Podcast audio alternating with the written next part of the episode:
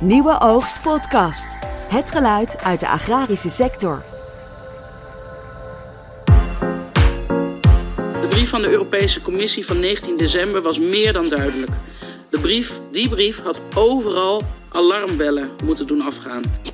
De minister erkent dus dat het mogelijk is om 13 doldwaze mestuitrijdagen te organiseren. Dit is geen geitenpaadje, uh, meneer De Groot. Er is ook geen boer die de hele, de, hele gierkelder leeg uh, rijdt uh, tussen half februari en 1 maart. ik zie dat hier achter de schermen smerige spelletjes worden gespeeld. Het zaakje stinkt. Welkom luisteraars bij een nieuwe aflevering van Haagse Oogst. De podcast van Nieuwe Oogst waarin wij het politieke nieuws rond de landbouw belichten. Mijn naam is Peter Smit en ik zit hier vandaag met mijn collega Martijn van Rossum. Martijn, het was weer een turbulent weekje. Ja, dat kan je wel zeggen. En je zou kunnen zeggen, het zoveelste turbulente weekje. En ik denk dat dat ook wel het gevoel is wat onder veel boeren leeft. Dat je denkt van, is er nou, komt er nou nog meer? Of uh, waar zijn we ergens beland? Want dan denk je ergens op te kunnen rekenen qua derogatie dat 2023 een overgangsjaar wordt. En dan blijkt het toch weer allemaal anders te zijn. Ja. ja, dat soort verrassingen, dat draagt natuurlijk niet bij aan het vertrouwen wat toch al zo broos is in de sector. Ik denk dat dat toch wel het belangrijkste onderdeel ervan is, dat het ook de vertrouwen uh, weer raakt. Hè? Ja, ja de, de overheid. Ja, ja landbouwminister uh, Adema is door uh, Brussel op zijn vingers getikt over zijn interpretatie van de derogatieafbouw. hij zegt zelf, ik ben met een, hij is een hoedje geschrokken. en in het, ja, ik moet zeggen, in, in, in, in het Kamerdebat werden ook wel weer hele grote woorden gebruikt. dol, dwaze, mest, uitrijdagen. En er was ook nog een een beschuldiging van het SGP aan het adres van uh, D66 van uh, dat die wat voorkennis hebben. Daar gaan we zo meteen even verder op in. We hebben een interviewtje met uh, Roelof Bisschop van de SGP daarover. Um, laten we even luisteren naar een hele korte samenvatting van het debat. De brief van de Europese Commissie van 19 december was meer dan duidelijk. De brief, die brief had overal alarmbellen moeten doen afgaan. Die brief had er bij de ambtenaren voor moeten zorgen dat de minister onmiddellijk werd geïnformeerd. En ik kan me voorstellen dat u de vraag leeft: waarom heb je die brief niet met, de Kamer gedeeld? Maar ook, waarom heb je het signaal niet met de Kamer gedeeld? Wij zijn zo geschrokken van de brief in het kader van de derogatie. En we hebben zo uh, hard ingezet op die derogatie. Dat we daar alle focus op hebben gehad. Dus ik had, ik had wel dat signaal moeten afgeven aan de Kamer. We hebben een nieuw signaal binnengekregen. De zorgen zijn groter. Maar we zijn heel hard aan het werk om die zorgen te kunnen wegnemen. Meer informatie had ik de Kamer op dat moment ook niet kunnen geven. Ja, hij was, zich erg, hij was zelf erg geschrokken. Wat, ja. is, er, uh, wat is uh, precies waar hij zo van geschrokken is, Martijn? Nou ja, misschien even los van de inhoud. En ik denk goed om zo meteen nog even te benoemen van wat er dan in stond. Maar um, ik denk wat hij ook erg van geschrokken is, is dat natuurlijk het uh, vertrouwen al zo laag is in de overheid. Dat er enorme uitdagingen, uh, zeg maar, voor de sector aankomen. Dat de derogatie verloren was met een afbouwperiode was al echt een bittere pil, omdat er al zoveel op het bordje van de boeren ligt. En dan rekenen boeren ergens op en dan moeten we weer een ander verhaal gaan brengen. Wat natuurlijk helemaal niet uitkwam. Ik kan me best voorstellen, ja, hij zegt, we wilden dat natuurlijk die duidelijkheid gaan scheppen en zo. Ik denk dat we gewoon eigenlijk tijd nodig hadden om weer met in gesprek te gaan met de Europese Commissie. En als je dan een Kamerbrief naar buiten moet brengen en debatten hebt, dat staat het allemaal in de weg. Daar had hij denk ik geen behoefte aan. Uh, dat kan ik mij voorstellen. Ja, en dan is misschien, als ik gelijk even door mag, ja, gaan we over, door. over de inhoud van wat stond er nou in. Ja, wat, wat, wat verandert er nou, hè? Ja, het zijn eigenlijk twee maatregelen die waren gepland voor 2024. Die komen nu een jaar eerder. En dat zijn. Uh, dat is eigenlijk, eigenlijk had hij een overgangsjaar in gedachten, hè, 2023. Ja. En dat had hij ook gezegd, want het komt, is nu zo kort dag. Dat kan je nu niet meer maken voor boeren. Ze zijn al met inzaaien bezig en ze zijn al helemaal voorbereid. De, de inkopen zijn al gedaan voor het zaaigoed en al dat soort zaken. En om dan nu weer een wijziging op zo kort.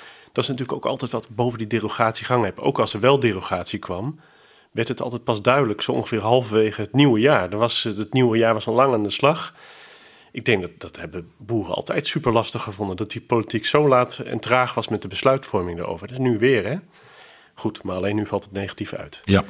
Nou, dus wat zit erin? Inzaaien van vanggewassen wordt naar dit jaar terug uh, naar voren gehaald. En ook de maatregelen over bemestingsvrije bufferstroken. Nou ja, in sommige gebieden is dat 5 meter, in sommige gebieden 3 en bij droge sloten is dat 1 meter. En soms is het dan weer minder als de percelen klein, uh, klein zijn. Dan heb je ook nog een aantal gebieden die extra aangewezen zijn als kwetsbare gebieden. En die gaan eigenlijk onder dezelfde regime vallen als waar nu al zand- en lusgronden onder vallen. En dat, ja, dat zijn eigenlijk drie waterschappen: Noord-Hollands Noorderkwartier, Delftland en Brabantse Delta. En die, ja, gaan in een, die mogen minder bemesten dit jaar al, net zoals op zand en uh, lus. En die, zijn, ja, elke, die, die bouwen eigenlijk iets sneller af richting die 170 kilo dan andere gebieden in Nederland. Nou, dat is eigenlijk in het kort wat er uh, veranderd is. Ja. ja, die strenge regels die hebben we te danken aan, aan, aan het feit dat ik las dat 42% van de landbouwgrond in Nederland ligt in een gebied waar de waterkwaliteit ja, beneden de norm is. Of dan slecht is. Of ja. slecht is. Dus we staan er gewoon helemaal niet goed op bij. De, de beste man heet, ik moet even, even spieken, want dan kan ik het niet in één keer uitspreken. Virginius Sinkevicius. Uit Litouwen, hè? Uit Litouwen, ja. ja. En ik, ik, ja, dan ga je toch even kijken, wie is die man nou? En ik, ik had hem, ja, ik, had, ik had hem wel eens voorbij zien komen, maar ik wist niet dat hij echt nog maar 32 was. Dus echt een hele jonge man. Ja. En uh, ja, hij komt uit een, uh, van een partij en die luistert, ik ben even vrij vertaald, naar de illustere naam in Litouwen. Het is een, een conservatieve, groene, agrarische alliantie. Ja, dat is een smaak die we hier in Nederland uh, niet kennen. Meestal nee, is fusie tussen GroenLinks en BBB, zeg maar. Ja. En uh, die hebben ze daar in Litouwen. En uh, die ze horen ook bij de groene fractie in de Europese Unie. Dat verklaart wel ja. Waarom deze man zo ontzettend fanatiek op het milieu zit. En dat ook zijn portefeuille is natuurlijk. En toch krijg je ook de indruk dat los eventjes van deze politieke smaak... dat de Europese Commissie sowieso niet zo heel erg gecharmeerd is van de situatie rondom milieu en landbouw en nou, stikstof ook. Hè. In, in, in Nederland. Het, eigenlijk worden de duimschroeven gewoon aangedraaid. Zo voelt het, denk ik. En tenminste, ik denk niet eens of het voelt. Ik denk dat je het zo ook echt mag ja. zeggen, toch? Ja, ja. Jazeker. Maar goed, uh, ja, dat, is, uh, de, dat, dat viel toch wel rauw op het dak van de minister. Uh, blijkbaar had hij dat toch ook weer niet meer verwacht. Nee. Nou, ik had eigenlijk verwacht dat hij... ik denk, die, krijgt, die, die gaat een zware debat tegemoet. Maar hij zit natuurlijk nog maar net hij heeft, ik vind iemand die landbouw neemt, eh, die de verantwoordelijkheid neemt over het ministerie van Landbouw, eh, die daar instapt, dan, moet je ook wel heel veel krediet geven, want het is gewoon een hele zware portefeuille. En ja, en ik denk dat het ook een beetje uh, Europese onervarenheid was nog van hem, dat hij, dit, dat hij die brief een beetje laconiek opnam en dat hij dacht, nou we hebben wel een overgangsjaar, wat het dus niet was. En ze hebben hem eigenlijk wel een beetje gespaard, de Kamer. En het, het viel mij in debat op dat het vooral weer de partijen waren die, die onderling uh, elkaar de vliegen afvangen. Of, uh, ja. ja, dat denk ik ook. En ik denk ook wel dat gezien is dat eigenlijk Adema wel zijn best heeft gedaan om het recht te breien. Dat de intenties ook al goed waren. Dat was ook wel iets wat vanuit LTO bijvoorbeeld ook wel gezegd werd. Ja, ik laat even een fragmentje horen hoe die aangesproken werd door de Kamer. De minister erkent dus dat het mogelijk is om 13 doldwaze mestuitrijddagen te organiseren tussen 16 februari en 1 maart. En daarmee loopt u opnieuw het risico. Waarom heeft u dat niet dichtgezet op het moment dat u vrijdag die brief naar Brussel heeft gestuurd? Want u loopt opnieuw het risico dat u hier met de vingers tussen de deur komt. U heeft opnieuw een geitenpaadje gekozen en heel Brussel kijkt met u mee. Dat kan ik u verzekeren. Ja, dit is geen geitenpaadje, uh, meneer De Groot. Uh, het recht bestaat gewoon om vanaf half februari mest uit te rijden. Er is ook geen boer die de hele giertank, uh, de, hele gierkelder leeg rijdt uh, tussen half februari en 1 maart. want dat zou betekenen dat hij de rest van het jaar geen mest meer zou plaatsen. Dus het beeld wat u schetst, daar, daar, heb ik wel wat bezwaar tegen. Al zou elke boer straks een hele mestkelder gaan, gaan leegrijden voor 1 maart, omdat het dan nog even kan doldwaze mestuitrijdagen. Ik vond het er weer eentje voor, uh, voor de scriptschrijvers van Arjan Lubach of zo. Ja, het, komt wat populistisch over. En ik denk dat Adema hier een terecht punt heeft. In, uh, het gebeurt wel 16 februari. En dat heeft vooral mee te maken dat sommige boeren wat krap zitten in de opslagruimte.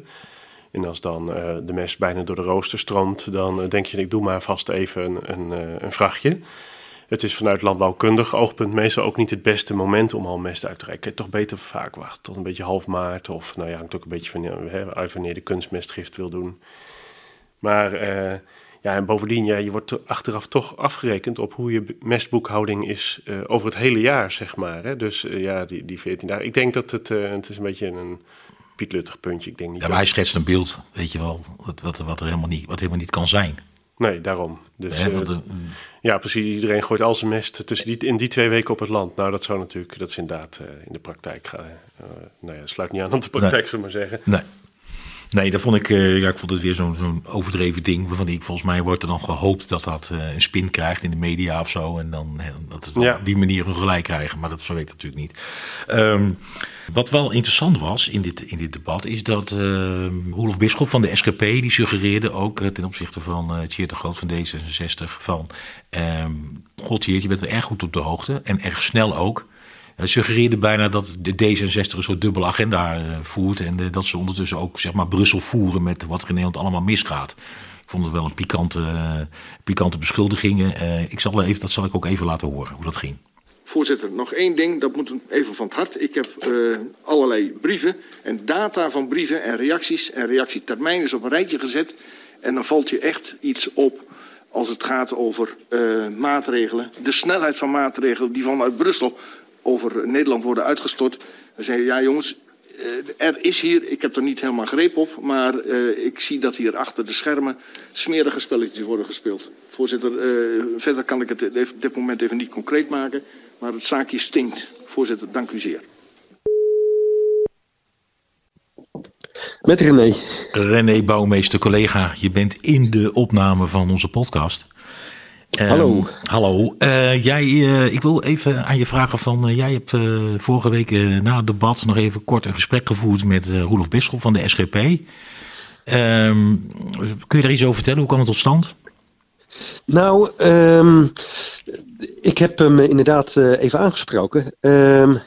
En dat had ermee te maken dat hij tijdens, tijdens dat debat wel een opmerking maakte richting uh, de Groot. Um, en hij, had het over, over vuil spel. En hij legde dat niet echt uit. het was wel duidelijk dat hij en trouwens ook Caroline van der Plas het wel gek vonden dat Tjeerd de Groot allemaal op de hoogte was van de brief uit, Brussel. En dan, nou ja, dat, uh, dat liet hij verder wel een beetje in het midden. Dus vandaar dat ik na afloop van het debat toch eens gevraagd heb van wat, wat bedoelt u daar nou eigenlijk mee? Oké, okay, dan... En dat heeft hij dus uitgelegd. En ja, daar heb ik een opname van. Um, ik ga, daar gaan we nu naar luisteren, nee. Nee, waar, waar ik op aansloeg is, is wat u zei um, over dat u, uh, dat u toch vond dat er een luchtje aan, uh, aan die zaak zat. Ja, dat is heel lastig. Het is net als bij lekken. Uh, als er documenten worden gelekt, wat je dan moet doen, analyseer nou eens. Wat wordt er gelekt? Wie ontvangt het? Uh, wie heeft daar belang bij? Bewijzen kun je het nooit, maar het laat de vingerafdruk achter. En dan weet jij, als je daar voldoende bent ingevoerd, kun jij weten wie er verantwoordelijk voor is. En als je dit kijkt, um, wanneer komt de derogatiebeschikking af? 30 september. Wanneer gaat het kabinet ermee aan de slag? Wanneer rapporteert hij aan de Kamer? 2 december. Uh, dan komt het al heel snel onder de aandacht van de commissie. Dat is op zich is dat heel wonderlijk, want het duurt meestal maanden, in ieder geval weken, voordat een commissie eens een keer, een commissaris eens een keer daarop uh, kan reageren.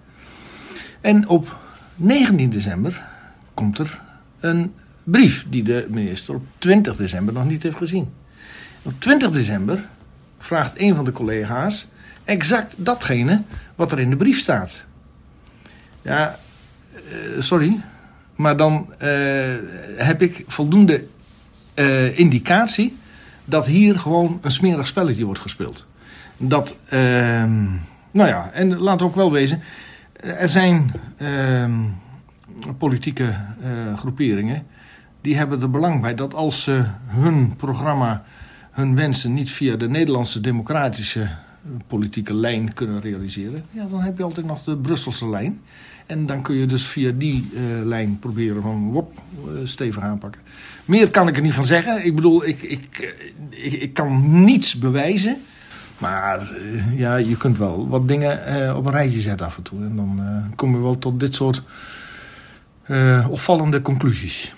Ja, u zegt dus eigenlijk, Tjeerd de Groot die heeft met zijn partij flink lopen lobbyen in, in Brussel. En die hebben dat wel in gang gezet eigenlijk. Daar, daar komt het eigenlijk op neer. Dat is wat u zegt. U kunt het alleen niet bewijzen. Nou, ik noem ook geen namen. Dus de conclusie die is, die voor uw rekening, zal ik maar zeggen. Ik, ik beschuldig niemand. Maar ik herken wel bepaalde vingerafdrukken. En die houd ik dan voor mezelf, voor ten overvloede. Ja, ter verdediging van de Groot, we moeten ook even laten horen hoe Tjeerd de Groot hierover denkt. Is D66 bereid om opening te geven van zaken uh, en uh, van de relaties en de activiteiten die D66 op dit dossier heeft ondernomen in dit hele proces? Heer de Groot. Nou, voorzitter, dit is toch echt. Het is dat het SGP is. Ik moet even goed nadenken, wat gebeurt hier? Hier is gewoon een parlementariër van D66 die zijn werk doet, die informatie krijgt. Uh, uit een betrouwbare bron dat er een brief onderweg is. Ik had die brief niet gezien, heb ik gisteren ook gezegd. En ik bevraag de minister op, in, daarop in alle openheid. De minister geeft uh, antwoord. Het antwoord blijkt niet te kloppen. Ik stuur de minister op de eerste werkdag naar het reces, want ik denk dat de correctie zal wel gekomen zijn. Stuur ik een sms'je van hoe staat het daar daarmee? En dat heb ik gisteren ook in het debat aangegeven. Dus ja, opener uh, kan ik mijn controlerende taak uh, niet uitoefenen. Maar het is wel een beetje vreemd, voorzitter, dat de SGP het vreemd vindt als parlementariërs hier gewoon hun werk doen. Met de informatie die ze krijgen. En die ook toetsen bij de minister, want die moet het allemaal weten. Ja, daar heeft hij ook toch wel gelijk in, hè? Ja, en voor de rest kunnen wij het ook niet uh, weten wat er allemaal achter de schermen. Ja, ik bedoel, als, uh, dan heb je toch de bronnen nodig. Ja, maar als je één speerpunt, één speerpunt moet benoemen waar Thierry de Groot al die jaren als Kamerlid op hamert, dan is dat. Ja. Dus het is niet verwonderlijk dat hij ook richting de minister uh, en, en uh, dat hij ook een half oog heeft op, uh, op Brussel, wat, wat hij besluit. Ja, precies. Maar of hij daar dan weer dingen in zijn en dat daardoor dingen zijn gaan lopen, of dat, ja, dat zou natuurlijk kunnen. Uh, aan de andere kant, ja, weet je, het is ook, maar, het is ook weer een onderdeel van. Uh, maar ik kan me wel voorstellen dat, dat, uh, nou ja, dat het vraagtekens oproept. Ja. En, maar ik hoorde vorige week ook op, op Radio 1 een interview met de Groenen, en, de Europarlementariër van de Groenen. En ja, die zitten, die zitten er zelf ook bovenop van, van wat er neemt. Dus het is niet zo dat ze een Nederlands parlementslid nodig hebben, zeg maar, om, om een eurocommissaris scherp te krijgen op het Nederlands milieu. Dat zie je ook. Dat nee. En daar hebben we ook, de GroenLinks heeft ook een, een grote vertegenwoordiging in, in Brussel. Dan. Ja. Uh, dus die, ja. Maar je ziet ook wel nu met die bestuurlijke lagen dat het soms toch ook wel gewoon ingewikkeld is om het nog te kunnen begrijpen. Wie is nou waar voor verantwoordelijk en waarom zegt de minister inderdaad dat en dan wordt hij weer teruggefloten door een, En wie is nou de baas? Ja. En dan heb je als het gaat om het hele natuurbeleid, heb je ook nog de provincies die een hele belangrijke rol hebben. En het maakt het er ook niet altijd gemakkelijker op, zeg maar. Nee. Uh, om, te, om ten eerste om het te begrijpen, maar ten tweede denk je ook wel eens van wie heeft nou de regie, hè? Ja, om eruit te komen. Ja, om eruit te komen. Ja. Er liggen zoveel ingewikkelde dossiers voor de landbouw. En uh, ja, als het dan vervolgens, uh, ja, als het onderhandelingen blijft tussen verschillende overheidslagen en ja, dat, dat eigenlijk de landelijke overheid het anders zou willen dan Europa en de provincies hebben ook weer zo hun eigen ideeën. Ja, dat, ook dat werkt weer niet bij aan het vertrouwen natuurlijk. Nee. draagt niet bij. Ja. Nee. Nou, toen Adema begon, toen sprak ik hem ook naar. Uh, uh, uh, en dan hoor je ook van dat hij toch heel erg veel ruimte nog zag in Europa. Hij was toen al een keer naar de landbouwraad geweest. En ja, we moeten in Europa onze positie moeten versterken. In de lobby ook, hè, in Europa contacten ja. leggen. hij wou zijn ambtenaren daar niet, niet afvallen, maar zei die ze doen prima werk. Maar zelf ik als bewindsman moet ook veel meer contacten leggen met andere lidstaten. En het lijkt ook wel of hij een beetje wakker is geworden uit die, uh, uit, uit die, uit die, uh, ja, die droom dat er ja. in Europa nog ruimte is. Want, hij zag het wel heel optimistisch. Hij zag het heel optimistisch en uh, daar zei hij het volgende over. Maar ik trek wel een andere conclusie. En die is ook niet nieuw, denk ik, in de discussies met Europa. Dat is dat de ruimte in Europa, om daar heel veel ruimte in te creëren, die ruimte is er niet meer. Die is er niet. En dat betekent ook, en dat zeg ik ook tegen de agrarische sector, dat op stap gaan naar Europa, Europa om voor de agrarische sector heel veel ruimte te creëren, die ruimte is er niet. We zullen altijd het gesprek aangaan. We zullen altijd blijven wijzen op de agrarische praktijk om ervoor te zorgen dat proberen om bij de implementatie van uh, Europese wetgeving, richtlijnen, uh, beschikkingen... om te kijken van hoe kun je dat zo dicht mogelijk bij de agrarische praktijk brengen. Maar die weg is wel veel moeilijker geworden. En de ruimte die je daarmee kunt creëren, die is helemaal uh, klein geworden, zeg maar. Ja, dat is volgens mij zo'n wake-up call geweest. Ja, dat zo klinkt het wel, ja. Dat je denkt van, oh, verdraaid. Ik uh, dacht nog wel dat, het, uh, dat er iets te doen was daar, maar het is, je kunt zeggen wat je wil, maar ze luisteren toch niet. Hè? Daar komt eventjes in gewone menstaal dan op neer, zeg maar. Ja, dus...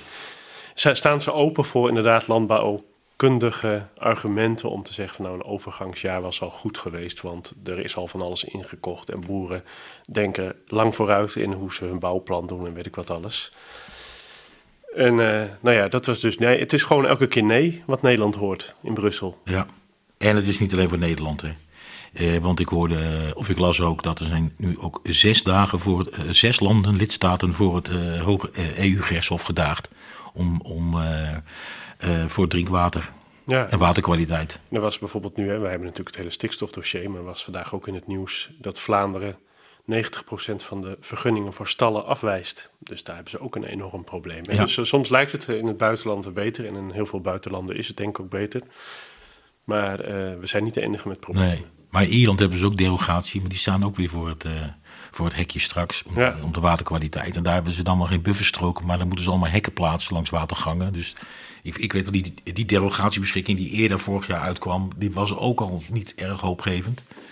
Ieder land heeft zijn eigen uitdagingen. Ja. Ja, water, dat is wel uh, prioriteit, heb ik het idee, waterkwaliteit. Ja. Nou, um, dat is dan weer uh, uh, misschien wel een vervelende conclusie om de, podcast mee af te sluiten. Martijn, hartstikke bedankt voor je bijdrage. en uw luisteraar ook bedankt. En ik hoop tot de volgende keer. U kunt Haagse Oogst beluisteren via onze website nieuweoogst.nl. U kunt hem ook downloaden via Spotify. Dan kunt u hem ook offline eh, beluisteren als u aan het werk bent op het land, in de schuur. Tot de volgende keer. Tot ziens.